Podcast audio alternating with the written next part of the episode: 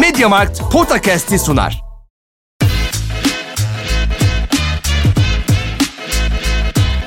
Potakast. Kaan Kural ve Orkun Çolakoğlu'yla NBA gündemine haftalık bir bakış.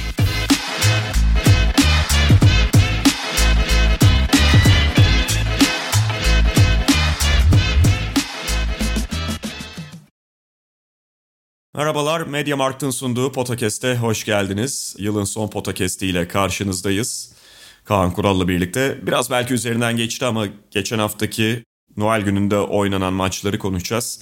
E, o maçlar üzerinden o takımları biraz değerlendireceğiz. Yani bu dönemde malum bir önceki Potakest'te de konuştuğumuz gibi Covid vakaları sebebiyle çok fazla anlamlı maç oynanmıyor bazı maçlarda oynayanları yani tüm kadro halinde biz de tanımakta güçlük çekiyoruz. Hatta geçenlerde Kaan abiyle Miami Orlando maçında beraber terledik kabinde.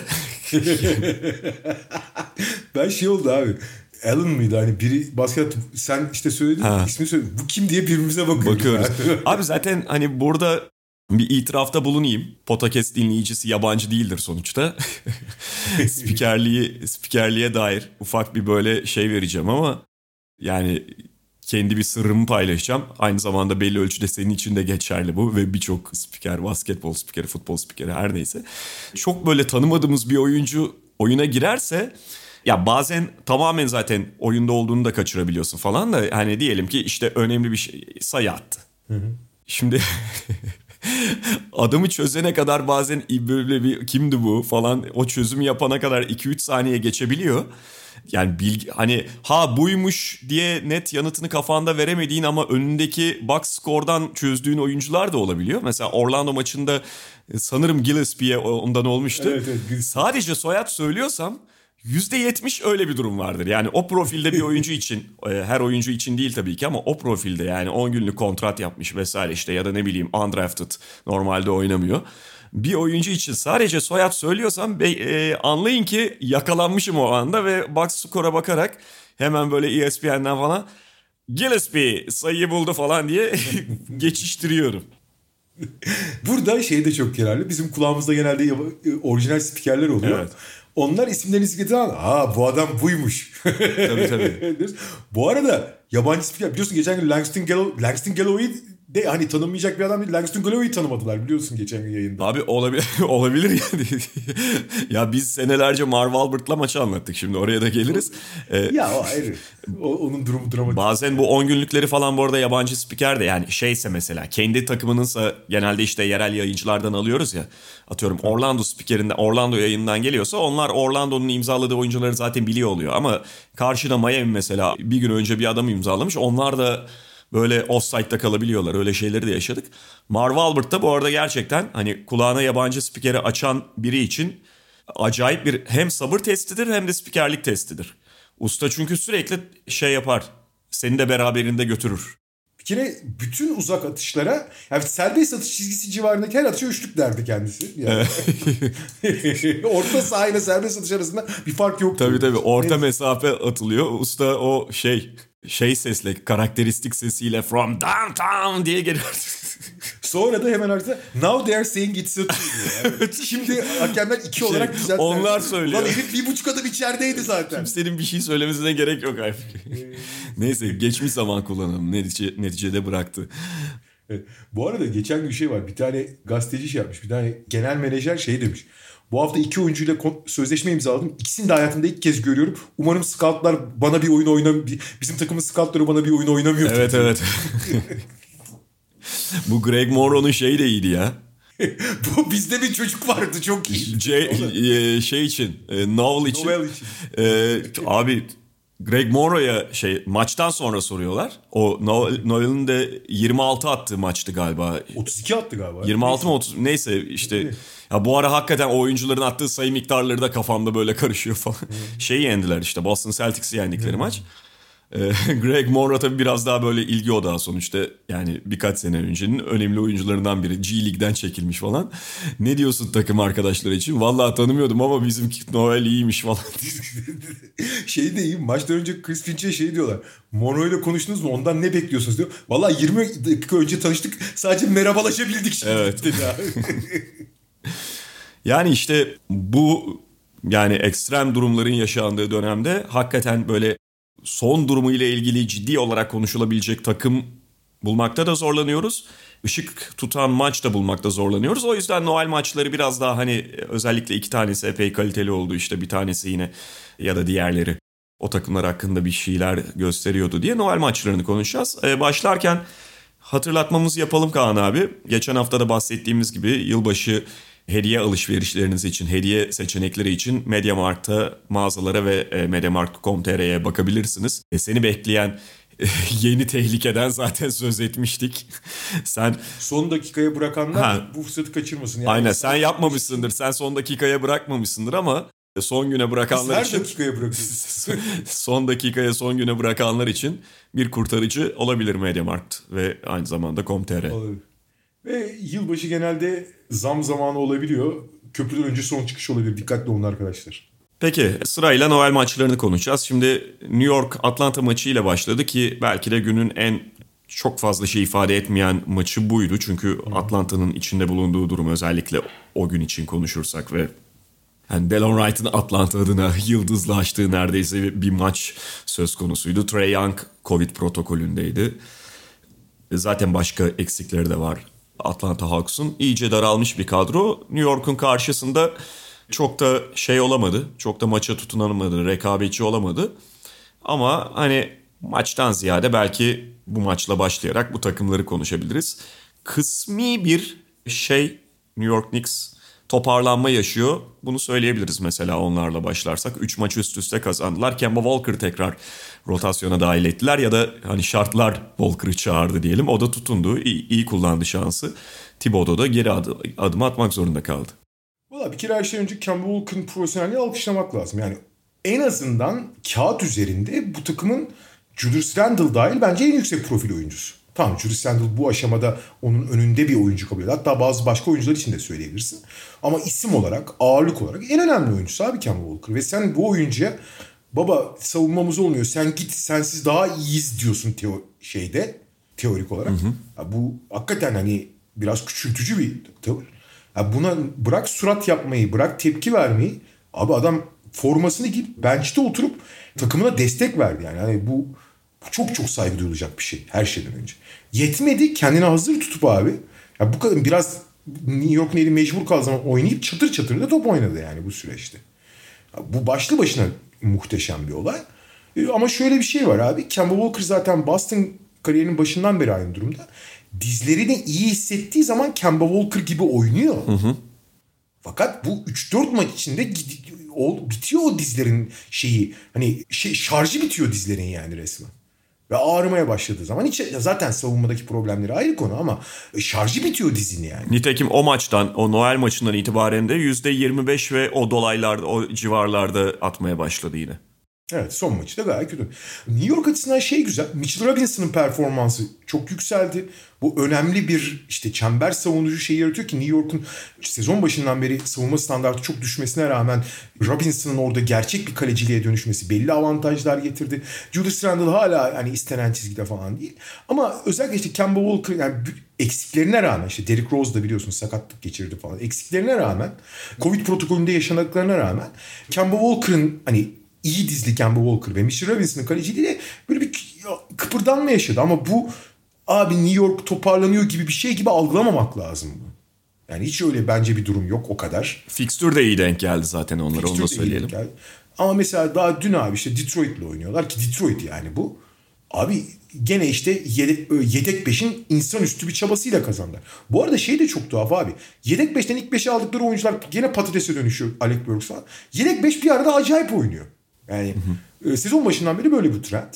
Tabii yedeklerin yedeklerle oynaması da bir şey var. O Bitopini niye hani rolünü biraz daha arttırmıyor ayrı bir tartışma konusu. Ama New York'ta işte dediğim gibi bireysel anlamda Mitchell Robinson'dan bahsedebilirsin. Daha bir sürü şeyden bahsedebilirsin ama genel bir toparlanma olduğunu söylemek güç. Onu söyleyeyim. Yok sadece kısmi kelimesini çok böyle kalın yazarak belki toparlanma diyebiliriz. O da yani o çok küçük bir fark belki önceki dönemle. Şu var daha çok New York açısından hani biraz onları daha da iyi gösteren ya da işte genel tablonun daha az bulutlu hale gelmesini sağlayan. Etraflarındaki takımlar ciddi inişte. Doğru. Yani Washington zaten bir aydır falan serbest düşüşte. Ki onların da şu sıra Covid vakaları, eksikleri söz konusu. Boston Celtics hiçbir şekilde toparlanamıyor. Hiç böyle bir istikrar kazanamıyor. Ya Toronto Raptors'ı ne kadar saymak gerekiyor bilmiyorum ama Toronto biliyorsun New York'un falan üstüne çıkmıştı. Tekrar onlar da zaten adam kalmadığı için doğal olarak inişe geçtiler. İşte Atlanta benzer pro- zaten hani iyi gitmiyordu. Bir de bu eksikler, covidler falan olunca onlar düşüşe geçti. Indiana da bir türlü istikrar kazanamıyor. Onlar da tam böyle hani Indiana biraz düzlüğe çıkıyor mu diye düşündürürken tekrar geriye gitmeye başladılar. Yani New York bütün bu kötü gidişe rağmen işte üst üste 3 tane maç kazanınca, fikstür de denk gelince kendisini 9. sırada buldu. Yani 9. sıra ne kadar olumlu tabii biraz daha. Karşı taraf için Atlanta için bence durum biraz daha kritik. Trey Young abi yani sezona çok iyi girmedi, girmemesi ama son bir buçuk aydır. Gerçi bu Noel maçında oynamadı Trey Young ama sonra hemen Noel maçında hemen sonra döndü. Son bir buçuk aydır Trey Young inanılmaz bir basketbol oynuyor. Evet. Kariyerinin en iyi basketbolunu oynuyor. Ve bir şey olmuyor abi Atlanta'da. Savunma yerlerde sürünüyor. Yani burada tabii bu savunmanın ekseni şey üzerine kuruluydu. DeAndre Hunter, Clint Capela üzerine. Şimdi DeAndre Hunter sezonun hemen başında zaten sakatlandı gitti. Clint Capela da bu sezon geçtiğimiz sezonki çizgilerinde değil. Zaten aşil sorunuyla başlamıştı ama hiçbir zaman öyle olmadı. Takım kurgusu biraz değişti. E bütün o eksikler falan da bir devamlık sağlayamayınca abi Atlanta'nın durumu yani Abi savunma acayip evlere şenlik durumda yani. Hı hı. Hakikaten evlere şenlik durumda. Fakat hücum da Trey Young'ın bu ekstra performanslarına hiç oralara gelmiyor. Tabii ki bunun bir sürü sebebi var. Trey Young'ın yanında Bogdan Bogdanovic'in olması o işte ikinci top yönlendiricinin önemi vesaire falan diyebilirsin. Ama ne olursa olsun abi eksikler ve eksikler işte Galinari'nin o sigorta görevini yapamaması bir sürü şey sayabilirsin. Ama abi bu kadar derin bir takımın bu kadar sorun yaşamıyor olma yani en azından bu derece düşmemesi gerekirdi abi. Bu takım sezon başında Brooklyn ve Milwaukee'nin arkasında Doğu üçüncülüğü için çok ciddi bir adaydı. Ve yaşadıkları sorunları biliyoruz ama Doğu Konferansı'nda sorun yaşayan tek takım onlar mı abi? Kesinlikle değil. Nate McMillan'a da kesinlikle hani burada bir mazeret yardımında bulunma çabasında değilim. Ama şunu da söylemek gerekiyor. Sen derinliklerinden bahsettin ya. Ya evet derin bir kadroydu kağıt üzerinde ama abi o derinliği tam olarak hiç yaşayamadı Atlanta sezon başından beri. Yani onu da bir kenara yazmak gerekiyor. Bütün yaşadıkları problemlerin o savunma rezaletinin işte bu hayal kırıklığı performansın tek açıklaması tabii ki bu değil. Ama abi onları çok bozan bir etken şey. Derinliği tam anlamıyla sezon başından beri o kağıt üzerindeki derinliği hiçbir zaman sağlayamamaları ve kullanamamaları. Yani bak düşün abi sezon başına Galinari sakattı. Yani kenardan gelen en önemli skorer. İşte Capella'nın şeyi vardı. Galinari hep sakat zaten de. Olsun sezon başı hani kullanamıyorlar döndüğünde de hatırlarsan şeydi kötü durumdaydı. Hı hı. Yani o Lou Williams da öyleydi. Capella'nın sezon başı sakatlığı vardı. On, Okongu zaten Okon, çok az oynuyor. Evet Okongu yoktu. Şimdi Capella döndü. Okongu hala yok. Hadi Okongu'yu sayma. Galinari yavaş yavaş form tutuyor oluyordu. Bogdanovic orada bir sakatlandı. Tam iyi form tutuyorken DeAndre Hunter gitti. Curter bunlara alternatif olacaktı o da protokole girdi. O protokole girdi. Artı Bogdanovic tekrar döndü falan. Bogdanovic ama hiçbir zaman tam istikrar yakalayamadı. Şimdi o da Covid protokolünde bu arada. Yani Bogdanovic bu takımın en önemli Trey Young yardımcısı olacakken arka alanda ve oyun yönlendirmede. Ve Trey Young'ın yaptıklarını daha değerli kılacakken. Evet o hiç Bogdanovic şeyi alamıyorlar şu anda katkısı alamıyorlar. Ve dolayısıyla orada da aslında bir kayıp söz konusu Atlanta açısından. E kenardan gelenlere bakıyorsun hani şu anda oynayan oynamayan diye saymıyorum. Lou Williams artık zaten eski şeyini etkinliğini gösteremiyor. Hiç alakası. Hadi Galinari'den yine toparlandığında bir skor şeyi alıyordun ama mesela Cam Reddish daha önce bizim Atlanta konuşurken bahsettiğimiz bir problem. Cam Reddish iyi oynarken bile problem olabiliyor. O çünkü kendi ha. kendi meselesini halletmeye çalışıyor saha içerisinde. Şöyle söyleyeyim abi. Sezon boy sezon boyunca oynayan ve iyi oynayan iki oyuncu var. John Collins ve Cam Reddish. E John Collins eyvallah tamam mı? Hı hı. Hani biraz ikincil bir rolde olsa da onun katkısı çok değerli bir oyuncu çünkü önemli. Abi istikrarlı bir şekilde sahada olan ve iyi oynayan ikinci oyuncu Cam Reddish olunca Cam Reddish'in iyi oynuyor olması demek takımın iyi oynuyor olması demek asla olmuyor abi. Evet. Sorun o da çok büyük sorun yani. Ki yani hani Cam Reddish de hiçbir zaman zaten mesela şey olsa en azından onu o bencilliğini falan sineye çekebilirsin. Sürekli olarak böyle verimli skor katkısı yapıyor olsa. Yani etrafına hiç bakmıyor ama sürekli yüksek yüzdeyle verimli kendi skorunu üretiyor olsa Tamam dersin bu da kendi işini görüyor en azından. Her an 16'da 3 de atabilir Cam Reddish. Her an öyle bir akşam da çıkabilir. Peki bu iki takımı geçelim. O günün ikinci maçı Milwaukee Boston'la devam edelim. Bu e, gayet güzel heyecanlı bir maç oldu. Bir tarafından ama Boston Celtics'in bu sezonki problemlerinin önemli bölümünü 48 dakika oyun süresine sığdıran o iki buçuk saatte Aynen. yani bu sezon Boston Celtics'i izlememiş ya da çok izlememiş olan varsa güzel özetleyen bir maç oldu. Aynen öyle. Antetokounmpo'nun da hani özellikle böyle rakip yakaladığında çok hazır olmasa da Covid sonrası belki kondisyon problemi vesaire olsa da yarım devrede bile bir oyunu ne kadar domine edebileceğini gösterdi diğer tarafta. Aynen öyle. Ya Milwaukee'nin işte Covid, sakatlık vesaire problemleri şimdi Brook Lopez dışında aslında tam kadroya kavuştular. DiVincenzo da döndü çünkü ki bence DiVincenzo önemli bir aktör olacak. Hı-hı ilerleyen yolculukta. Artı sezon ortasında katılan Wesley Matthews ve Dema- çok fit görünen her ne kadar eski performansından çok uzak olsa da en azından fiziksel olarak fit görünen Demarcus Cousins da birer aktör olabilir. Portis iyi bir sezon geçiriyor. Hepsine kavuştular bu arada. Brook Lopez hariç. Ki Brook Lopez'in dönmemesi bence avantaj bile olabilir belli açılardan. Antetokounmpo'nun 5 oynadığı 5'ler çünkü çok acayip opsiyonlar açıyor. Ama yani Milwaukee'nin çok yani son şampiyonun çok net yeni bir e, sezon şampiyonu adayı olduğunu biliyoruz zaten. Şu ana kadar belli bir periyot öyle oynamamış olsalardı. Burada bir sakı şey yok bence. Bu Noel maçı da evet maçın sonunda acayip bir ivmeyle kazandılar. O ivmeyi yakalayamıyorlar. Niye o kadar geri düştüler diyebilirsin vesaire. Olabilir. Ama Milwaukee o durumda. Bence Milwaukee ile ilgili yani senin ekleyeceğin bir şey yoksa çok fazla bir şey yok. Bunlar şampiyonluk adayı ya. Bu kadar basit. Bence. Bence de yani kadroları yine tekrar genişledi. Evet. Net genişledi. Ama sadece şeyi söyleyeceğim. Yani söylediğin gibi Antetokounmpo'nun 5 oynamasına da dolaylı yoldan vesile oluyor ama Brook Lopez zaman zaman çok arayacaklar. Doğru. doğru. Ve Brook Lopez'in yani... durumu kötü gözüküyor. Yani ben hani bu sezon katkı verebilir mi emin değilim. Bir noktada dönüp o cüssede bir oyuncunun bel rahatsızlığıyla oynayamamış olması işte sonra ve bu meselenin uzaması bundan sonrası içinde çok ümit var etmiyor. Onlara katılırım ama iyi duruyor. Yani sezon başından beri Chris Middleton hala tam kendi bulamamış vesaire. Bunlar şey değil. Yani uzun vadeli problemler değil. Onu söyleyeyim. Hı hı. Yani iyi durumda şey. Sezona harika başlayan Grayson Allen biraz bal kabağına döndü. Olabilir. Çok da normal bir süreç. Hani bunlar hiç bence dert değil. DiVincenzo sağlığını bulduğu sürece. Pat Connaughton'a olağanüstü bir sezon geçiriyor zaten. Çok da problem değil falan. Harika. Burada her şey normal. Ee, Boston tarafında abi. Daha önce de konuştuk. Ben Amerikan mutfakta da söyledim. Bu takımın abi dağıtılması lazım. Yani her şey bir tarafa abi. Teknik daha önce konuştuğumuz bir konu var. Bu takımda şimdi basketbol aslında çok komplike bir spor değil. Evet çok sofistike oynayabiliyorsun mesela Golden State gibi ya da işte bir zamanların San Antonio'su gibi. Avrupa basketbolunda çok daha spesifik, geometrik yani neredeyse mühendislik setleri falan da oynanıyor. Yardım paternleri şeyde savunma yardım paternleri modern oyunda çok gelişti ama hücum oyuncularının özellikleri geliştikçe çok basit bir şey indi basketbol aslında. Bir avantaj yakalamak ve o avantajı sonuca dönüştürmek.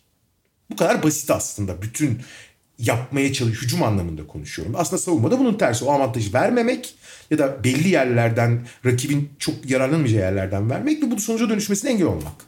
En, en özüne indirirsin. Hı hı. Şimdi tabii yetenekler o kadar ilerledi ki bir zamanlar biz geçen gün Parke Gıcırtısı podcastinde konuşuyorduk. Yani Chauncey Billups'ın 2000'li yılların ortasında yaptığı bir şey vardı. İşte Rashid Wallace'tan perde alır. Üç sayı çizginin tepesinde tepeden üçlük atardı. Ama maç başına bir tane iki tane yapardı bunu. Ne bu abi? Avantaj alıyorsun. Boşluk var. Üç sayı var. Daha verimli de bir şey yok. Chauncey Billups tepeden de fena atmıyor. Güzel. Fakat abi daha sonra Nash biraz daha geliştirdi bunu falan filan. Fakat bugün abi herkes bu tehditleri falan yaratabiliyor. Bu avantajı elden almak için bir sürü şeyler var. Avantaj, savunmadan avantaj almak dediğin şey senin bire mesela Deniz Schroeder gibi değil bu iş. Deniz Schroeder müthiş bir delici olduğu için avantaj alıyor ama kimsenin bu işine yaramıyor bu avantaj. Çünkü Deniz Schroeder bunu bir şeye dönüştürmüyor. Kendi atarsa atıyor falan. Rakip savunmanın dengesini bozuyor en iyi ihtimalle. Çok değerli bir şey yanlış anlaşılmasın. Fakat bu avantajı takımın üretimine katkı sağlayabiliyor musun? Yani hazırlayabiliyor musun? Pozisyon haz- yaratabiliyor musun? Pozisyon hazırlayabiliyor musun? Abi Boston'da teknik olarak çok ciddi bir problem bu. Hazırlayıcı hemen hemen hiç yok yiyici çok var, bitirici çok var ve çok üst düzey bitiriciler var aslında. Buna Robert Williams bile dahil edebilirsin. Foto gibi bitiriciler. Tatum ve Brown gibi süper yıldız sınırındaki oyunculardan bahsetmiyorum bile. Fakat hazırlayıcı yok. Ve Marcus Smart gibi, Josh Richardson gibi, Al Horford gibi, Peyton, Pritchard hadi neyse belki olabilir de o da bence yeterli. Bunlar ikinci hazırlayıcıları, ana hazırlayıcı konumu hazırlanmadan bir sürü şey bitirilmeye çalışılıyor. Ben Boston kadar kalitesiz şut kullanan takım çok zor. Ha çok yetenekli olduk için, çok iyi bitiriciler olduğu için bu kalitesiz şeyleri daha verimli hale getirebiliyorlar. Ama abi sürekli bir yokuş yukarı çıkan bir takım var Boston'da. Yani sürekli zor. Yani iyi hazırlanmamış yemekler yeniyor. Anlatabiliyor muyum? Şimdi bu teknik tarafı işin. Bu zaten bir süredir böyle. Kemba'nın dizleri ağrımaya başladığından beri böyle bu iş. Fakat bu sene özellikle sezona felaket giren Tatum toparlandı. Şu anda gayet de iyi oynuyor. Yani rakamları falan gayet etkileyici falan. Fakat abi takımın vücut dili ne durumda abi? Kaç tane bu sezon Boston maçı anlattık. Abi Boston bu takım yani Boston'da bu takımda olmaktan, bu formayı giymekten, bu mücadele vermekten memnun, keyif alan bir oyuncu göremiyorsun sahada abi. Herkes artık sıtkı sıyırmış. Takım arkadaşlarından olabilir, sistemden olabilir, şeyden olabilir. Yudoka özellikle maç sonları yönetiminde falan büyük problemler yaşıyor. Yudoka ile ilgili olabilir. Fakat Brad Stevens'ın apar topar kaçışını da buna bağlıyorum. Bu takım artık abi şeyi belli bir net bir sebep olmadan ki aslında net bir sebep belki Marcus Smart olabilir. Marcus Smart'ın genel tarzı çok biliyorsun sezon içinde demeçlere falan da yansıdı bu. Ee, fakat bu takımın şeyi gitmiş abi. Gözünün feri gitmiş yani. Kötü bir takım asla değiller. Ama abi şey değiller artık hani bir arada oynamak isteyen ve bir arada büyümek isteyen ve bu amaçlar için kendini adam adayan bir takım gibi değiller. Bu en fazla Tatum'un oyununa yansıyor abi. Tatum iyi oynuyor ama kendini verdiğini hissediyor musun abi? Oyuna dikte etmeye çalıştığını falan. Yok tam aksine yani çoğu zaman Tatum'u izlerken şey hissiyatı oluşuyor işte. E... Formam kirlenmesin. Aynen öyle. Yani zorlamıyor iki yönünde de. Şeyde de e, Tatum'un stiliyle ilgili bir yani yıllardır eleştiri konusudur biliyorsun. Bütün bu yeteneklerine rağmen neden daha fazla potaya gitmiyor, neden orada bitirmiyor, daha fazla faal almıyor. Bunu konuşuyorduk. Serbest atış miktarları falan bir ara çok konuşuluyordu.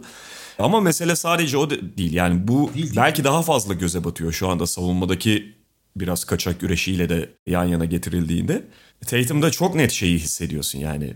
Ben bu takım için mi kendimi hırpalayacağım hissi. Ha, ha, ha. Bütün takım Anthony Davis olmuş abi.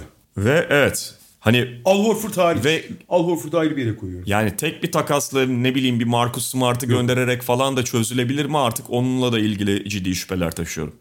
Şöyle Marcus Smart'ın gönderilmesi şart bence artık. Çünkü artık o bir kanser haline dönüşmüş. Çünkü Smart'ın tarzı da çok yırtıcı olduğu için o yırtıcılık daha kötü yansıyor demeçlere falan. Ama şey konusunda kesin kalıyor. Yani bugün Smart gitse atıyorum Bradley Beal gelse mesela tamam mı? Hani hayal kurdukları bir isim. Ya da Damian Lillard gelse. Oyun kurucu sorunu da çözse. Abi Damian Lillard gelse tamam teknik olarak harika olur ama bu takımın sorunlarını çözeceğinin garantisi değil bu abi. Yani hakikaten şey olmuşlar yani bıkmışlar abi buradan. En azından görüntüleri o sahadaki. İşin kötüsü gerçekten Marcus Smart'ı da takas etmek kolay değil. Yani değil tabii. imkansız demem ama... o hocam John Wall takas oldu. Daha Russell Westbrook iki kere takas oldu. Her şey olur hayatta. Yalnız işte şu var. Russell Westbrook ve John Wall zaten birinde birbirleriyle takas oldular. Yani. Hatırlarsan yani o şeyi söylüyorduk daha işte Westbrook Houston öbürü Washington'dayken bunlar anca birbiriyle takas olur diye konuşuyorduk. Doğru Öyle oldu zaten. Yani bir daha takas olsalar yine birbirleriyle olacaklar. Şimdi Marcus Smart'a da öyle bir eş bulmak lazım. Marcus Smart'ın bu arada yeni kontratı 4 yıllık o extension'ı gelecek sezondan itibaren başlıyor çok anormal bir extension değil, değil ama. Yani değil hani... yani bugünün koşullarında yıllık 20 milyon doların bile hafif altına geliyor çünkü 77 milyon dolar 4 yıl. Ama abi Marcus Smart'ın hücumda artık yani hücumda Marcus Smart'ın verimsizliğini göze almak kabul etmek gerekiyor. Ha o verimsizlikle birlikte bu kontratı kim üstüne alır onu bilmiyorum. Belli takımlarda olabilir. Yani üzerine düşünmedim. Dediğim gibi tamamen takas edilemez değil ama çok kolay da değil Smart'ın kontratını takas etmek. Ya çok önemli kanat savunucusuna ihtiyacı duyan bir iki takıma olabilir. Ama şey evet yani artı bir değerden çıkmaya başladı Smart. O konuda çok katılıyorum. Peki bir sonraki maça geçelim. Phoenix Golden State. NBA'in namusunu kurtaran iki takım ve maç. Aynen öyle. Zaten ligin en iyi iki takımı, en iyi iki derecesi olarak gelmişlerdi ve dediğin gibi namusunu kurtardılar ya. hani evet problemler yaşıyor lig. Acayip adamlar oynuyor ama bakın iki iyi, en iyi iki takımımız da aha budur işte ve gösterisi... güzel top oynuyorlar bakın abi. Aynen o gösteriyi sundu NBA. Çok üst düzey maç oldu hakikaten. Aynen öyle. Ve ikisi yani Golden State'in de bu arada ciddi eksikleri vardı maçta. Tabii. Andrew Wiggins ve Jordan Poole yoktu. Hı-hı. Clay Thompson'ı saymıyorum tabii. Ve Andrew Wiggins ile Jordan Poole dediğin adamlar Clay Thompson'ın da yokluğunda takımın 2 ve 3 numaralı skorerleri. Buna rağmen Golden State'in o kadar formda bir Phoenix'e karşı deplasmandan galibiyetle çıkmış olması Golden State'e dair bir şeyi tekrar hatırlattı ve yani sezon başından beri de benim Golden State'e dair fikir değişikliğimde en önemli etken bu. Onların kadro derinliği. Yani kadro derinliği açıkçası benim düşündüğümün öte, çok ötesine gitti Golden State'in. Derinlik derken şöyle demek lazım. Bu sistemin değerli kılabildiği oyuncu sayısı oyuncuları bulup o oyuncuları zenginleştiriyorlar abi. Sistemin mesela Kelly Oubre niye olmuyor? Bu sisteme uymadığı evet. için. Ama Gary Payton niye oluyor? Bu sisteme uyduğu için. Ya da Nemanja Bjelica Sacramento'da hiçbir şey yapamazken burada niye işe yarıyor? Abi bu sistem onları hayat veriyor. Otto Porter'ı biraz ayrı yerde tutuyorum. Bu maçın kahramanlarından Otto Porter da. Otto Porter zaten çok özel bir oyuncuydu sakatlık öncesi. Yani sağlıklı olsa zaten iyi oyuncu. Ama abi bu sistem bazı oyuncuları çok değerli kılıyor abi. Çok hani Stephen Curry ekseninde çok değerlenen bir sürü oyuncu var yani. Aynen öyle ve işte yani o derinliği ortaya çıkarıyor sonuçta bu sistem. ve açıkçası ben bu denli yani işte Clay Thompson'ın yokluğunda hele bir de Jordan Poole ve Andrew Wiggins yokken gidip Phoenix'i Phoenix'e karşı Phoenix de iyi bir savunma bu arada. İyi bir savunma takımı ve Phoenix gibi bir savunma takımına karşı bu kadar iyi hücum edecek bir şey ortaya... iyi savunma takımı derken Stephen Curry ile iyi eşleşebilecek bir savunmacısı da var yetmezmiş gibi. Evet ve yani sonuçta Stephen Curry mesela o maçta 27'de 10'da tuttu Phoenix. Tabii. Ama yani işte 2-3 numaralı skorerlerin yok. Stephen Curry çok e, böyle coştuğu bir maç oynamıyor. Hatta neredeyse %30'larda tutuluyor. Ve sen yine oradan iyi bir hücum ortaya çıkarabiliyorsan bu elde kalan oyuncularla bu işte kadro derinliğinden geliyor. Sürekli yeni parça adapte edebiliyor, entegre edebiliyor olmalarıyla alakalı. Ve bu benim beklediğimin çok ötesinde. Phoenix tarafında da var bu arada bu. Ama Golden State biraz daha onu net biçimde altını çizerek ortaya koydu. Kendi derinliğini. İki takım arasındaki bence en önemli farkı şey belli etti abi. Şimdi Stephen Curry, Stephen Curry zaten ne diyeyim abi onun üstüne. Fakat abi Golden State'te yumurtalar Stephen Curry sepetinde değil. Stephen Curry önemli Abi Phoenix'le ilgili daha önce konuşmuştuk. Phoenix'te abi yumurtalar çok büyük oranda Chris Paul sepetinde duruyor. Yani şimdi Cameron Johnson çok iyi bir sezon geçiriyor değil mi? Hı hı. Keza Ceval McGee de öyle. Kendi şeylerinde. E bakıyorsun DeAndre Ayton beklentilerin altında geçenki playoff çizgisinde değil ama o da yavaş yavaş toparlıyor. E Michael Bridges, Michael Bridges zaten. Jay Crowder, Jay Crowder. Abi fakat bunların hepsi Devin Booker hariç hepsi Chris Paul'e bağlı oynayan oyuncular. Hı hı. Chris Paul onları harekete geçiriyor. Golden State'de öyle bir şey yok abi. Stephen Curry onlara yani sistem onları değerli kılıyor. Phoenix'te ise hücum anlamında konuşuyor. Chris Paul onları değerli kılıyor. Eğer abi Chris Paul bu oyuncuları yeterince değerli kılamazsa, Chris Paul sepeti yeterince iyi işlemezse o zaman Devin Booker'ın eline kalıyorsun ve Devin Booker'ın 19'da 5 attığı bir günde de Phoenix bir yerlerde tökezleyebiliyor. Evet. Her şeyden önce. Bu zaten bildiğimiz şeydi. Diğer bütün parçaları görmüyoruz. Ha orada bir tek alternatifin Cameron Payne'in girip delicilikle bir şeyleri değiştirmesi olan bir yere kadar. Cameron Payne de hata yapmaya çok meyilli. Zaten bu maçta 5 top kaybetti falan filan. Ha bu maçta mesela Otto Porter son çeyrekte acayip acayip işler yaparak kritik rol oynadı. Ama yani sonuçta oraya kadar Wiggins'siz falan getirmişlerdi maçı. Bir. ikincisi abi belki Covid protokolüne girdikten sonra biraz daha net belli oldu ama bu maç bence yani yokluğunda daha çok belli oldu gibi görebilir ama bu maçta bence iyi izlediğin zaman görüyordun. Abi kendini vermiş bir Draymond Green de yani hücum anlamında bu kadar daha doğrusu skorerli, skor anlamında bu kadar sınırlı olup da oyuna bu kadar etki eden oyuncu da tarihte nadirdir herhalde ya. Kesinlikle hatta şöyle yani bu Phoenix'le ilgili söylediklerinle bağlantılı söyleyeyim. İşte Draymond Green ikinci bir çünkü şey sadece Stephen Curry'e bağlı değil ya Golden State. Çünkü Draymond Green var orada. Draymond Green Chris Paul olabiliyor. E, Golden State'in en büyük zenginliği de oradan geliyor. Ve mesela şey şey çok tesadüf değil. Draymond Green'in oynamadığı maçta Denver Nuggets'a karşı hücumun ilk yarıda en azından duvara çarpması tesadüf değil Golden State'te. Evet. Ben sen Chris Paul'un Kid abi Kid gibi herif ya. Jason Kidd gibi yani. Oyuncu Jason Kidd'i düşünüyorum. Ya ben zaten hani e, stili benzeştirmesi değil de Yok yok ben sadece hani metafor olarak şey olarak o, o, trafik tamamen Draymond Green'den dönüyor çünkü. Yani Stephen Curry'nin tehdidiyle başlıyor ama onun direksiyonunda daha çok şey Draymond Green var. Bir de abi belki de daha önceden bunu yapanlar olmuştur kesin. Hani hakkını kimsenin yemeyelim ama hani şey diye bir ünvan olsa Draymond Green bunu çok hak eder yani. Savunma oyun kurucusu.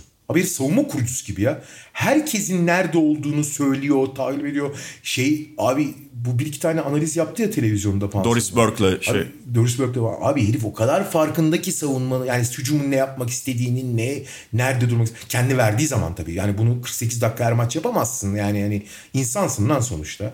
Ama çok acayip oralarda da ya. Öyle öyle. Ya hele rakip yani bir şekilde Draymond Green böyle serbest kalabiliyorsa savunmada hı hı. şey gibi libero gibi ona daha önce de bu yakıştırmayı yapıyorduk. Hani meşhur şey serisi vardı 2015 playofflarında. Memphis serisi vardı. Geriye düşmüşlerdi. Hı hı. Sonra Tony aynen Tony Allen üzerine verdi ve Tony Allen'ı tamamen savunmayıp resmen şey sarkık libero oynadı Draymond Green. Arkada bütün savunmayı o yönlendiriyordu. Yani o tip bir eşleşme yakalarsa tabii ki bugün NBA'de bir Tony Allen bulamıyorsun ama biraz daha böyle üzerinden şey risk alarak kendi kafasına göre yardım getirebileceği, bütün savunmayı yönlendirebileceği bir pozisyon bulabilirse iyice domine ediyor savunmada. Ama sonuç itibariyle abi çok güzel, çok üst düzey bir maç oldu. Phoenix'in bu maçı kaybetmesi şey göstermez. Hani ben onlar yumurtalar tek sepette işte foyaları meydana çıktı diye söylemiyorum. Ama Phoenix'in oyununu zenginleşmesi gibi Devin Booker'ın Devin Booker bu arada bu sezon önemli bir aşama kaydetti. Çok göze batmıyor çünkü önemli bir bölüm kaçırdı. Devin Booker artık çok daha fazla 3 sayı kullanan daha komple bir skorere dönüşüyor bu sene. Hı hı. Ve zaten topla da oynayabilmesi, bazen ikincili oyun kuruculuk yapabilmesi falan değerli. Fakat abi bu kadar Chris Paul bağımlısı olmak onlar için ben hep diyordum ya tabanı en yüksek ama tabanı konusunda soru işaretli olan takım olduğunu altını çizdi. Bu kötü bir şey değil. Ama Phoenix'in koyduğu standartın üstüne çıkabilmek mümkün. Phoenix'in kendi, kendini aşması çok kolay olmayacak abi ileride. E, evet özellikle bu maç yani Devin Booker'ın işte dediğin gibi 19'da 5 attı bu maçta. Devin Booker'ın böyle verimsiz olduğu bir günde Phoenix'in iyi takımlara karşı hangi sıkıntıları yaşayabildiğini, yaşayabileceğini gösterdi. Yani Devin Booker'ın sakatlığında da bunu konuşmuştuk. O arka deli sakatlığını yaşadığında takımda ikamesi rol olarak olmayan ilk e, ve tek oyuncu şey Devin Booker. Yani mesele Devin Booker gibi bir skorer daha barındırmak değil. O zaten kolay değil. Devin Booker kaç tane var? Ama Devin Booker'ın tarzını taklit edebilen bir oyuncu da yok. Yani kenardan gelen bir böyle skorer vesaire gibi bir oyuncu da yok. Bütün kenardan gelen oyuncular ya işte Chris Paul'un falan hazırladığını bitirecek olan şutörler. Ya Cameron Payne o da bir Chris Paul yereği zaten ya da işte şey devrilen JaVale McGee. Bu, bu eksik Phoenix'te ve yani bu sezon yaşarlarsa bunun sıkıntısını en fazla yaşayacaklar. Mesela geçen sezonki en göze batan eksiklerini giderdiler. Şu ana kadar en radar altı takım içi gelişimlerden biri o oldu. JaVale McGee transferi. Çok mühim bir şey gibi gözükmeyebilir ama Phoenix'in çok önemli bir deli, deli intikadı. Artık Aiton kenardayken böyle boş dakikalar ve şey istemedikleri tarzı çok kısa beşlere dönmek zorunda kalmıyorlar ama şimdi Devin Booker'ın arkası problemi var. Bir şeyi de söyleyeyim ben en başta söylemiştim. Özellikle ismini zikretmiştim. Ceval bak klipte Cameron Johnson'da söyledim. Aha. Cameron Johnson'ın da zaten belli bir seviye değil ama şu anda Michael Bridges veya Jay Crowder'dan herhangi birinin yaşayacağı bir sakatlık, foul problemi vesaire formsuzluk falan durumunda Cameron Johnson'ı anında oraya yerleştirebiliyorsun ve çatır çatır da otur, oturuyor oraya yani. Ama başka bir şey getirmiyor ayrı konu. Lakers Brooklyn'e geçiyoruz. Şimdi burada da tabii ki Brooklyn zaten öncesinde maçları ertelendi falan. Felaket durumdaydı. Hı hı. Takımda oyuncu kalmamıştı. Lakers'ın yarısı yine gidik durumda. Anthony Davis de sakatlandı bu, güya ayrıca. Noel'in şey maçı olacaktı. Prime time yani, maçı. Prime time maçı olacaktı güya ama kuşa döndü. Ama diğer taraftan da özellikle Lakers'a dair bir şeyleri bence yine de anlatıyor. Lakers'ın eksikleri olduğunu biliyor olsak da. Brooklyn'e karşı da bir iki pozitif nokta çıkardı. Hı hı.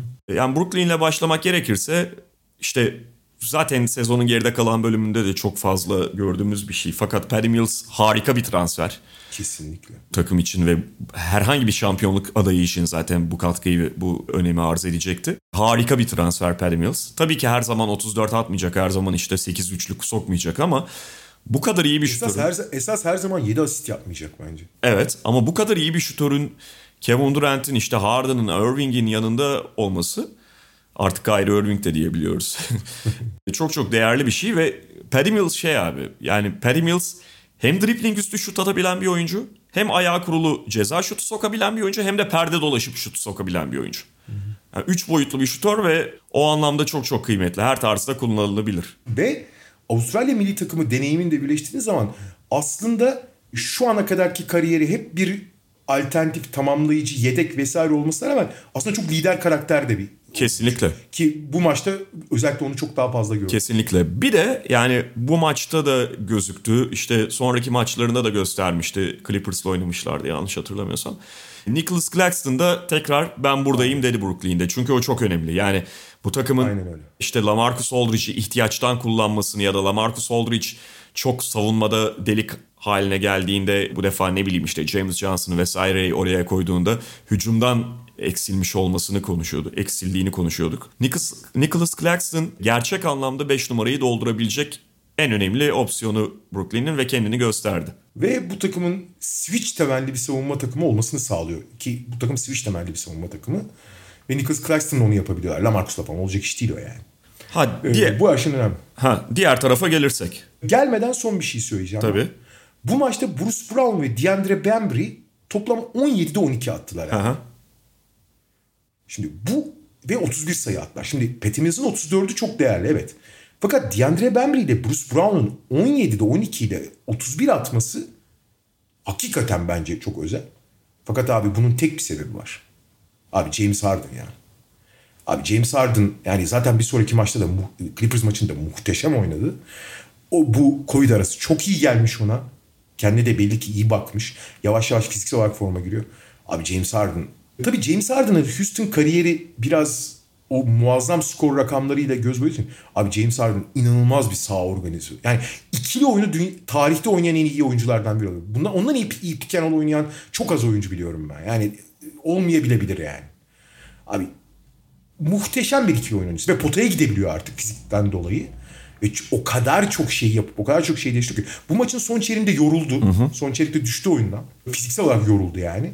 Ama abi oraya kadar nasıl bir takım yönetmektir ya? Nasıl bir takım yönetmek? Sonra Clippers maçında daha da iyi oynadı bu arada. Bir sonraki Evet, Clippers evet. maçını. Yani bu takımın işte Claxton dedik, Harden'ın bu hale gelmesi şu güne kadar, yani bu Noel'e kadar tamamen Durant'in sırtında geliyorlardı. Mills falan yardım ediyordu. Bir sürü şey Durant'in sırtında geliyorlardı. Abi Harden'ın Harden'laşması çok ama çok acayip şeyi değiştiriyor bir takımın vizyonunu. Kesinlikle. Ama yani şey de söylemek gerekiyor. Kesinlikle Harden'ın organizatörlüğü önemli. İşte Bruce Brown'un artı DeAndre Bembry'nin yani kısıtlı skorerlerin, kısıtlı oyuncuların bu kadar yüksek verimle skor üretmelerinde ana faktör. Ama bir de tabii bu rakiple bu rakiple karşılaşmak da işi kolaylaştırıyor. Bu arada Lakers'a geçeceğiz madem. Ben sana buradan tam Harden'dan bir pas atayım. Abicim Harden Harden diyorsun da bu takımda da LeBron var.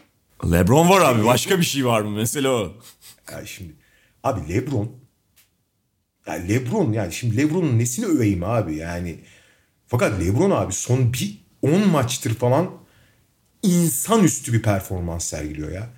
Yani hakik foul bile sokuyor ya. Daha ne yapsın? Tam son Daha 10 maç istatistiğini söyleyelim istersen. Hazırda var çünkü. Yani %56 ile genel isabet, %43 üçlük. 43'lük volümü söyle. Volümü görmedim abi bir saniye. Ya maç başına 10 tane falan atıyor. Nerede? Yani maç Yani başına dört isabet falan. 8-9'larda atıyor evet. Ya tabii yani elit bir üçlükçü e, volümü. Tabii tabii yani de. öyle bir tane soktum şey hani DeMar DeRozan tipi değil. Ee, 31.4 sayı, 9.1 rebound, 6.5 asist, 1.6 blok, 1.5 top çalma, %80 de neredeyse foul. Abi şey geçenlerde şey muhabbeti vardı. İşte ya LeBron artık 2018 işte Kyrie'nin ayrıldığı sene Cleveland gibi oynamak zorunda kalıyor. Takımı sürüklüyor falan. Abi 2018 falan 2007 Cleveland gibi oldu lan durum. Öyle. Ve bugün itibarıyla şey 37 yaşını bitirdi. 37 yaşını bitirdi. Bak 37 yaşını bitirdi. Aynı zamanda NBA tarihinin en uzun süre sahada kalan 3. 4. 4. ve 3. oyuncusuymuş şu anda. Eminim ikisinden biri yani.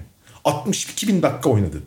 Bir de yani 37 dakikayı 37 yaşına kadar hayvan gibi kilometre de yaptı yani. Şimdi burada Ve abi inanılmaz bir basketbol seviyesinde oynuyor. Yetmiyor.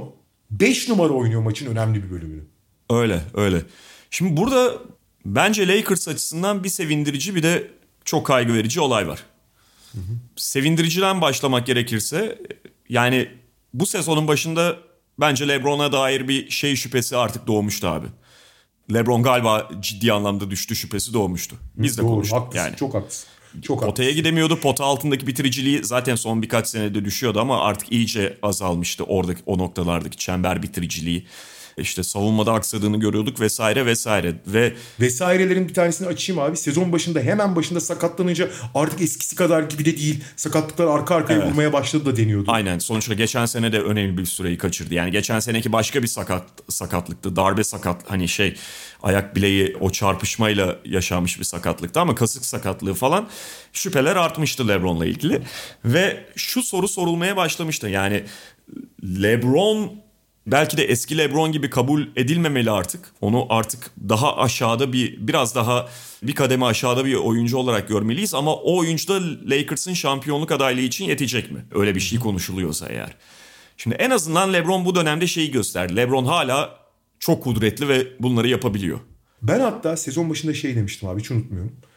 LeBron artık bu takımın en iyi oyuncusu, yani bu takımın en iyi oyuncusu artık Anthony Davis olmak zorunda. LeBron o oralara çıkıp takımı şampiyona taşıyabilecek bir oyuncu olmaktan çıkıyor demiştim. Evet.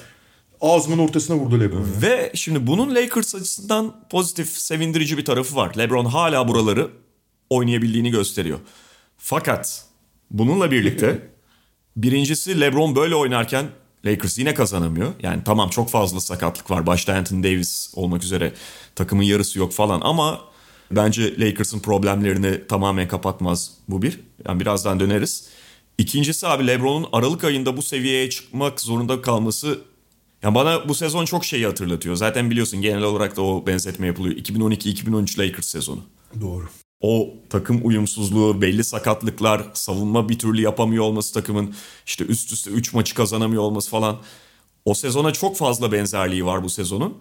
O sezonda Kobe Bryant ya tamam Allah kahretsin diye iyice şey e, yükü kendi üstüne almak zorunda kalmıştı. Ama o sezonun sonunda Kobe Bryant o yükü taşıyınca ne olduğunu da gördük. Yani, Le yani LeBron'un da illa aşili kopacak falan diye demiyorum bunu ama başka bir şey ortaya çıkabilir yani. Başka bir şekilde bir sakatlık olabilir ya sakatlık olmasına da gerek yok. Direkt hani fiziksel düşüş olarak da sirayet edebilir bu. Ve yani şey... Ben başka bir şey söyleyeyim mi Tabii. sana? Son 2, 4, 6, son 7 maçın 6'sını kaybetti Lebron. Aha. Bu maçları Lebron insanlık dışı olağanüstü oynadı. Başka bir şey söyleyeceğim. 36, 39, 34, 35, 40, 39, 38 oynadı dakikalar abi. Ortalama 37,5 38 dakika oynuyor. Yani ne yapacaksın ki şimdi? Hani ve ya birçok yerden ele alınabilir ama ben şöyle tarif edeyim Lakers'ın bu kadro bozukluğunu. Zaten çok konuştuğumuz bir konu ama yeni bir şey açıldı burada bence pencere açıldı. Abi Stanley Johnson'ı aldılar ya geçen gün. 10 günlük kontratla. Abi Stanley Johnson takımın şu anda en iyi 3 savunmacısından biri. Bak net söylüyorum. Hatta şey olmuş abi. Bu dünkü maçtan önce Davis'e Stanley Johnson planlarımızda çok kritik bir yerde. Evet. Ya anasını satayım. ya adam geleli 5 gün oldu. Bu, bu ne abi? Abi bu arada Stanley Johnson hani şeyi söyleyelim. Stanley Johnson zaten iyi savunmacıdır. O çok kazma olduğu için NBA'de iş bulamaz hale geldi. Yoksa Stanley Johnson herkes hatırlar. Çaylak sezonun sonunda LeBron'u savunuyordu Detroit'te oynarken. Çok iyi fiziktir. Çok iyi fizik, abi. ayakları çekebilir falan. Hala iyi durumda olduğunu gösteriyor bence şey olarak. Ama bence de bence. Ama hücumda bir şey yap. Yani normalde abi senin 10 Stanley Johnson değil hani Orkun olsun, Kaan olsun. 10 günlük kontratla aldığın herhangi bir oyuncunun savunmada bu kadar ağır ya da işte 20 30 dakikalara yaklaşan süre alamaması lazım abi. Bu arada başka iki oyuncudan bahsedeyim sana. Isaiah Thomas 10 günlük kontrat aldı, oynadı, gitti. Ve sonra Darren Collins. Abi Isaiah Thomas ikisi de geldi hücumun lideri gibi oynuyorlar. Bir Isaiah Thomas'ın hani söylememe gerek yok artık hani hala kendini çok büyük hücumcu zannediyor ve maalesef değil falan ama bazı neyse geçelim. Abi Darren Collins'ın bu Noel maçında sahaya çıktı. Şimdi bazı oyun mesela Demarcus Cousins örneğini söyledim. Kendini çok azırtmış. Abi Darren Collins'ın belli ki bir buçuk senedir topla ya pek aşırı neşir olmamış gibiydi yani. Aha. Ve çıktı 12-13 dakika oynattılar. Yani, David, yani şeyi de anlıyorum. David Fizdale bir sürü saçmalığı var da. Ya ne yapacak bu çocuk bir deneyelim falan diye. Abi bari iki idman yapın yani. Herifi bir idmanda görünüyor. Belli ki iyi durumda değil yani adam. Ki nitekim zaten maçtan değil mi? Arkadaşım sen biraz bir, bir çalış da gel falan dediler yani. sen bir Yehova şahitleriyle biraz daha takıl. Hakikaten oynamamış adam ya. evet abi. Öyle. Peki son maça geçelim o zaman. Ee, Utah Dallas. Burada da aslında Dallas açısından çok konuşulabilecek bir şey yoktu. Onların da kadrosu ciddi anlamda yani Doncic'in ötesinde de Dallas'ın kadrosu daralmış vaziyette. İşte Tim Hardaway'i, Dorian Finney-Smith'i, şey, Kleber. Hı hı. Yani şu anda düşünüyorum bir yandan bayağı eksik bir kadro. Öyle ki yani en son işte şeyi aldı, almışlardı onlarda. Brandon Knight takımda Jalen Brunson Doncic'lik yapıyor. Brandon Knight da Jalen Brunson olmaya çalışıyor son dönemde. Sterling Brown'u almışlardı. Sterling Brown da nokta, Tim Hardaway Junior'lık yapmaya çalışıyor. Evet yani 2-3 maçtır Dallas hani Brunson, Porzingis ikisine tamam eyvallah yanlarında Nilikina ekseninde bir takım oldu. evet. Ama Utah'ın... Bir de şeyin tabii Kid'in asla vazgeçmediği ama yani şu ana kadar ne verdiği çok ciddi soru işareti olan Dwight Powell illa oynayacak. Evet. Diğer taraftan yani Utah'ın da şey bir havası var. Bunu çok gösteriyorlar. Bu tip takımlara karşı Utah biraz kendi vitesini düşürüyor. Hatta buna çok açık hale gelmiş durumdalar. Yani Ve bazı rahat geçeriz nasılsa falan rehavetine kapılıyorlar.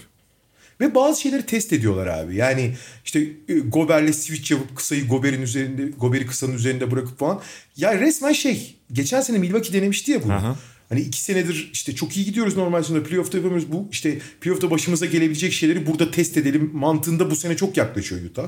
Bu maçta da çok gördük. Brunson'la bıraktılar Gober'i falan filan.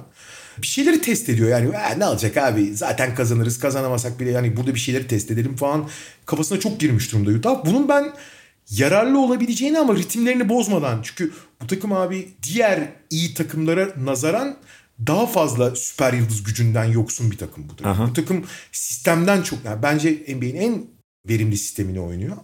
Fakat sistemden diğerlerine herkesten fazla beslenen bir takım. Buna zeval gelmeden yapabilmesi lazım bu testleri. Doğru ama hani bununla birlikte çok ne Utah'ın durumuna dair ne de Dallas'ın vaziyetine dair çok da aslında gösterge sunan bir maç değildi bu. Daha genel bir şey söyleyeyim. Bu maçla ilgili çok haklısın. Bence Dallas zaten normal olması gereken biraz daha fazla direnç. Gerçi Doncic'in yokluğunda özellikle Porzingis de iyi oynadığı için Dallas daha iyi gözüküyor ama bu Dallas için çok olumlu konuşmamızı gerektirecek bir durum değil. Dallas Tabii. iyi gözüküyor, iyi oynuyor, beklenenden daha dirençli falan ama e, e abi yani hani tamam Porzingis'in iyi olması Ulan Porzingis'in iyi oyuncu olduğunu biz de biliyoruz. Şey sorun biraz bence. Porzingis çok daha fazla potaya yakın tutup daha az üçlük attırıyor olmak soru işareti ama Porzingis bu sezon onu iyi kaldırabildi. Yani post-up'tan belki post-up gibi oynamıyor ama post-up pozisyonundan açılarak çok şut atıyor ve iş verimli de oluyor falan. Ee, zaten sağlıklı olduğunda çok özel oyuncu olduğuna kimse bir şey diyemez. Sadece ne kadar sağlıklı kalacağı büyük soru işareti. Ama dediğim gibi Dallas'la ilgili çok fazla bir şey söylemiyor bu maçlar bize yani. Olumlu veya olumsuz anlamda. Ha Porzingis'le ilgili söyleyebilir ayrı konu. Utah'la ilgili olarak ben bir tek şey söyleyeceğim. Sadece bu maçta değil hani son dönemde. Donovan Mitchell'ın abi öyle ya da böyle bir adım daha ileri atması lazım. Yani bu şart yani. Hani Donovan Mitchell hiçbir zaman bir süper yıldız olamayacağını düşünüyor olabilirsiniz. Yani ya da olacağını da düşünüyor olabilirsiniz. Ama süper yıldız rolünde oynuyor olması lazım. Ki bunu yapıyor da çoğu zaman. Yani yapmaya çalışıyor. Fakat bunun ölçeğini iyi bilmek lazım. Yani süper yıldız olmak demek her eline geleni pozisyon yaratıyor olmak demek değil. Her sıkıştığın topta iki kişinin arkasına atmak da değil. Ama abi Utah bir şeyler test edecekse veya kendini aşacaksa Donovan Mitchell'la yapacak bunu. Bu şart. Yani bu diğer ana parçaların hiçbiri bunu yapamaz abi. Hiçbiri yapamaz. Çünkü oyun stillerine uygun hı hı. her şeyden önce. Ve Donovan Mitchell sezona çok yavaş girmesine rağmen yaklaşık bir, bir buçuk aydır çok üst düzey bir performans sergiliyor. Hücum anlamında en azından. Ama üst düzey performans sergilemekle süper yıldız gibi oynamak aynı şeyler demek değil. Bu dönüşüm bence e, Utah'ın şeyi tabii ki Goberli savunma paternlerinin beş kısalara karşı verimi çok ciddi bir soru işareti. O yapısal bir stratejik sorun. Ama hani bireysel anlamda bakarsak da Donovan Mitchell'ın bu rolü oynayıp oynayamayacağı illa o kişi olmasına yani illa süper olmayacak. O rolü sırtlanıp sırtlanamayacağı çok kritik bir soru işareti. Onun için bir çaba ve performans artışı görüyoruz. Bakalım ama. Ben de şeyi söyleyeyim. Yani ben de genel bir durumdan bahsedeceğim. Jordan Clarkson çok kötü durumdaydı. Biz de konuşmuştuk. Evet. Kısmen de olsa bir toparlanma içerisinde son dönemde. Ama kısmenin biraz altını bir çizelim bence. Yok tabii yani geçen seneki Jordan Clarkson'ın hala uzağında ama sezonun ilk Abi, bir buçuk ayındaki arada... durumunun da, da üzerinde sezonun ilk bir buçuk ayındaki durumun üzerinde olması pek bir şey ifade etmiyor abi yani. Sonuçta e, Darren Collins'in daha bir buçuk ayında.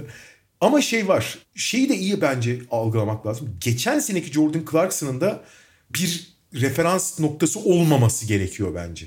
O biraz geçen seneki Julius Randle gibi anlatabiliyor muyum? Yani belki Julius Randle'ınki biraz daha ekstrem olabilir ama yani daha belki sürebilir.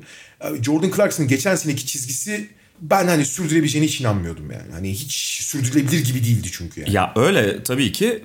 Jordan Clarkson gibi oyuncuların yani kenardan gelen bu bench skorerleri işte demin Phoenix'te eksik olarak bahsettiğimiz oyuncu tipi.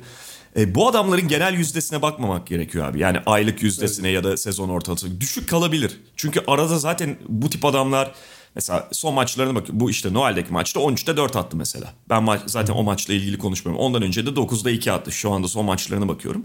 O tip çok yüzde düşüren maçlar arada oynuyorlar. Bu, buna hazırlıklı olacaksın. Jordan Clarkson'la ilgili. Mesele arada daha yüksek yüzdeli attığı ve sana yani faktör olabildiği maçların sayısı artmış mı? Bu tip oyuncuları, bu tip bench skorerlerini o maçlarla değerlendirmek lazım genel ortalamadan ziyade. Ve o tip maçların sayısı biraz artıyor son dönemde Jordan Clarkson'da. Doğru, doğru. O yüzden bence kısmi toparlanma içerisinde ve şey Utah bench'i sessiz sedasız şey eklemelerini de zaten yapmıştı. Daha net onlar kendini gösteriyor. Hasan Whiteside yani ben pek inanmıyordum Hasan Whiteside'ın şeyine ama bu yapı içerisinde hakikaten faydalı.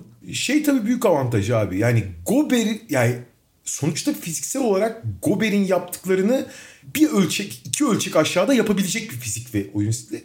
Ve Gober'le oynamaya o kadar alışkın ki yapı Whiteside'ı da çok daha rahat kullanabiliyor savunma ve hücumda. Whiteside'ın hayatını çok kolaylaştırıyor böyle çok daha kısa bir sürede ve çok daha uygun bir yapıda yani. Evet ve Rudy Gay yani Rudy Gay'i imzaladıkları ha. an zaten oha çok iyi transfer yaptılar dedim. Sezon başı sakattı ama o da gayet iyi katkı veriyor. Doğru. Doğru. Ve kendi oyunları içerisinde Rudy Gay hakikaten çok değerli bir şey sunuyor Utah Jazz'e. Evet Noel maçları ile ilgili konuşacaklarımız, söyleyeceklerimiz bunlar. Son olarak bitirirken çok kısa istersen Cleveland'ın yaşadığı talihsizlikten bahsedelim ve Ricky Rubio'nun. Maalesef ikinci kez kariyerinde bu sakatlığı yaşıyor. Ve hani bu kadar iyi giderken Cleveland zaten Colin Sexton'ı kaybetmişlerdi. Ama Colin Sexton'ın olmamasının belki de Cleveland'a dolaylı yoldan fayda da sağladığını düşünüyorduk. Fakat orada işte o yani takım daha iyi gidiyorsa Ricky Rubio bunun en önemli e, sebeplerinden biriydi ve şimdi onu da kaybettiler. Abi tabii her sakatlık ayrı bir şey de bu çok içime oturdu benim ya. Yani bu seneki Cleveland abi acayip bir keyifti izlemesi yani. Ben direkt hani Cleveland'ı tutuyordum açıkçası net bir şekilde. Hı hı. Bunun iki bence önemli bireysel sebebi var. Bir sürü yani total bir sürü sebebi var ama biri Evan Mobley'nin 3 uzun oynamayı mantıklı kılabilecek oyuncu profilinde olması. Yani işte ayaklarını çekebilen işte Jared Allen'la birlikte yan yana çok verim verebilen bir savunmayı ayakta tutan bir yapı olması. Bu çok özel bir oyuncu tipi olmasıyla alakalı. Diğeri de abi Ricky Rubio'nun liderliği. Yani bu takıma dağınıklığı falan atıp yani takım kimliğini getiren Rubio'nun liderliğiydi abi. Artı yani teknik olarak getirdiklerinin dışında çok büyük kayıp. Ha teknik olarak da son olarak bir şey söyleyeyim. Takımda topu yere vurabilen tek oyuncu kaldı abi. Hatta bir buçuk diyelim. Abi şimdi Cedi'nin de işi çok zor olacak. Çünkü Cedi kısmen topu yere vuran oyunculardan bir oyuncu yani. Hani hı hı. Garland hariç. Garland'dan sonra en çok. Abi Cedi tamamlayıcı rolde çok daha iyi olduğunu söyle göstermişti. Şimdi mecburen biraz daha belki toplu oynamak zorunda kalacak. Cedi için de zor. Bu takım takım için çok daha zor. Doğrusu guard şey kalmadı abi. Topu hani iki dribbling yapacak oyuncusu kalmadı takım. Öyle maalesef. Çok, çok üzücü ya. Evet. Yani bu kadar iyi giderken en büyük hikayelerinden biriyken sezonun Cleveland. Hmm hakikaten Sexton'dan büyük kayıp onlar için. Yani daha kritik bir kayıp oldu ve oyuncu da ikinci defa böyle bir şey yaşıyor. Ve biraz yani Ricky Rubio kariyerinin başında biraz overratedken ondan sonra underrated hale gelmişti kariyerinin son Kesinlikle. yıllarında. Kesinlikle. Şimdi burada ilk kez yıllar sonra adam akıllı böyle hakkı verilecekken, veriliyorken böyle hikayenin yarım kalması çok çok tatsız oldu. Aynen. Yazık. Diyelim ve bitirelim bitirelim abi. Media Markt'ın sunduğu podcast'ten bugünlük bu senelik bu kadar diyoruz. Herkese iyi seneler. Haftaya da tekrar görüşmek üzere. Hoşçakalın. Mutluluk ve umut dolu bir sene olsun efendim. Herkese iyi seneler. Hoşçakalın. Media Markt Podcast'i sundu.